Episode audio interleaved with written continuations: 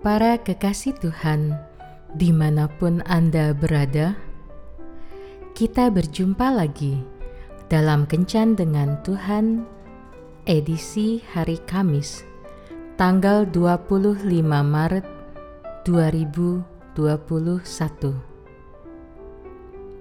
Dalam Kencan kita kali ini, kita akan merenungkan ayat dari Kitab Mazmur bab 41 ayat 10. Bahkan sahabat karibku yang kupercayai, yang makan rotiku, telah mengangkat tumitnya terhadap aku. Sebuah kalimat pendek berbunyi, "Pengkhianatan seorang sahabat." Sangat mengherankan dan akan menimbulkan pertanyaan: bagaimana mungkin seorang tega mengkhianati sahabatnya? Tetapi itulah kenyataannya. Bahkan bentuk pengkhianatan itu ada yang sampai melakukan pembunuhan.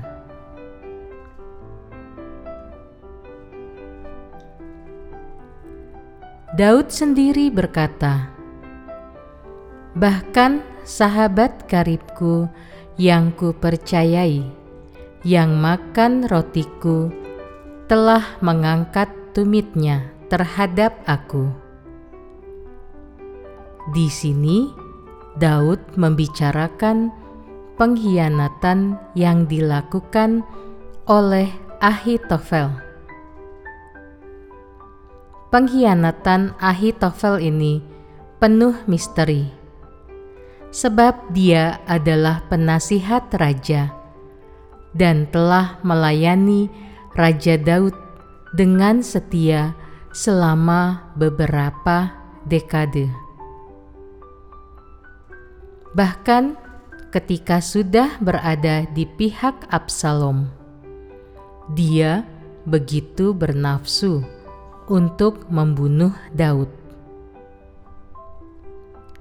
Siapa Ahitofel yang tega mengkhianati dan ingin membunuh Daud? Dia adalah ayah Eliam. Eliam adalah ayah Batsheba. Jadi, Ahitofel adalah kakek Batsheba.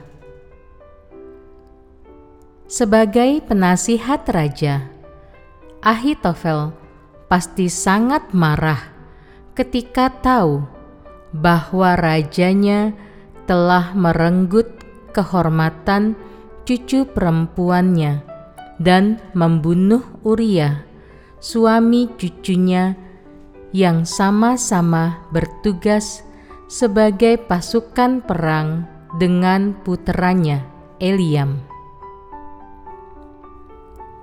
Bertahun-tahun Ahitofel menyimpan dendamnya dengan rapi. Sampai akhirnya ada kesempatan untuk membalas dendam melalui peristiwa pemberontakan Absalom. Dari peristiwa ini, ada hal-hal yang harus dihindari agar pengkhianatan itu tidak menimpa kita atau tidak kita lakukan terhadap sahabat kita. Dendam adalah hal pertama yang harus kita buang jauh-jauh ketika ada ketidakcocokan, bahkan perselisihan, kita harus cepat-cepat menyelesaikannya. Sebaliknya, kita juga harus menjauhkan perkataan dan perbuatan yang menyakitkan orang lain. siapa pun orangnya, termasuk sahabat kita, akan merasa sakit hati jika perkataan dan perbuatan kita menyinggung Dia. Dengan cara itu, kita akan terhindar dari pengkhianatan dan juga dari melakukan pengkhianatan. Tuhan Yesus memberkati. Marilah berdoa. Tuhan Yesus, aku bersyukur atas sahabatku. Mampukan kami untuk menghindari hal-hal yang menjadi penyebab terjadinya pengkhianatan di antara kami. Amin.